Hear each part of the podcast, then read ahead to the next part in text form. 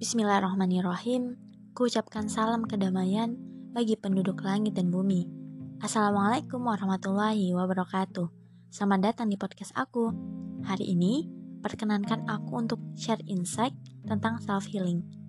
Sebelum mendengar podcast ini, mari kita kencangkan sabuk pengaman, siapkan pikiran, hadirkan diri untuk belajar. Semoga Allah mudahkan.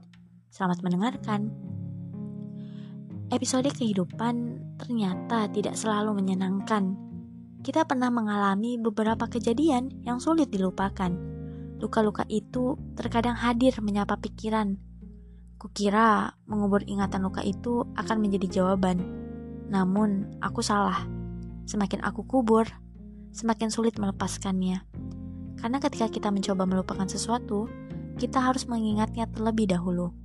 Aku hanya ingin mencari tenang, untuk sembuh agar bisa tumbuh.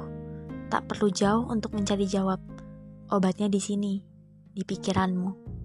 Kita butuh penyembuhan sendiri tanpa dibantu orang lain. Menyelesaikan kelelahan emosi dan berdamai pada diri. Goal dari self healing sendiri adalah tentang memaafkan dengan perenungan atau muhasabah, menterapi kesehatan mental dengan mengintrospeksi diri atas semua perbuatan yang telah dilakukan. Cara untuk self healing yaitu yang pertama adalah self compassion. Kita harus terbuka atas perasaan yang kita alami, memahami tanpa menghakimi. Kita boleh kok nangis, boleh kok cemas, kita boleh khawatir.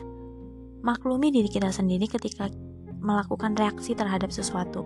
Ketika kita dipenuhi perasaan yang tidak nyaman, jangan disimpan, tapi alirkan biarkan gelombang emosi itu reda dengan dilepas secara perlahan. Saat kita menangis, sadari bahwa kita sejatinya sedang merilis atau melepaskan. Dengan seperti itu, kita merespon emosi negatif agar cepat move on, naik levelnya ke atas. Yang kedua adalah me time. Otak dan tubuh perlu meluangkan waktu untuk menyendiri, beri kesempatan untuk memahami diri sendiri, memberi tenang sejenak pada diri dan mengetahui apa yang sebenarnya kita butuhkan. Selanjutnya adalah self-talk. Self-talk atau bicara sama diri sendiri. Kalau kata dokter Aisyah, saat kita berdialog pada diri, ucapan kita jalan di sistem saraf dan akan terbentuk sambungan neuron di otak dan akan membentuk ikatan memori. Ikatan memori itu ternyata terbentuk saat kita berada di dalam rahim. Ada yang terikat kuat, ada yang tidak. Biasanya yang terikat kuat adalah pengalaman yang membekas. Contohnya pengalaman kita di masa kecil. Mungkin orang tua kita belum banyak belajar tentang parenting. Mereka mentreatment kita secara tanpa sadar ya. Seperti menghardik, mengcompare atau membandingkan atau mengunderestimatekan diri kita sendiri atau meremehkan. Dan kadang itu membentuk luka di hati kita menciptakan sambungan neuron di otak yang terikat erat, sehingga perlu kita terapi. Ketika luka itu muncul kembali dan mengganggu kita, kalau kata dokter Aisyah itu ucapkan istighfar.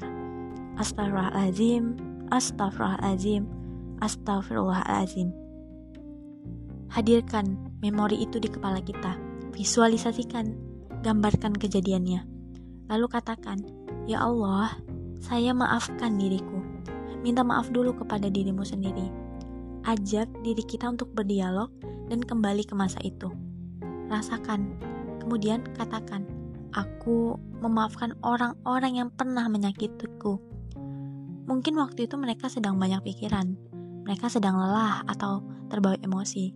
Maka berdoa, "Mampukan aku ya Allah untuk memaafkan mereka." Bukankah Tuhanku adalah Sang Pemberi Maaf? Dan aku sebagai hambanya harusnya bisa lebih memaafkan. Setting pikiran positif. Setting, insya Allah akan hadir ketenangan di hati kita. Dan memori yang tadi terikat kerat di otak kita, insya Allah akan renggang. Ya. Alhamdulillahirrahmanirrahim, jazakumullah khair. Mungkin itu aja yang bisa aku sampaikan di podcast ini. Kurang lebihnya aku mohon maaf. Assalamualaikum warahmatullahi wabarakatuh.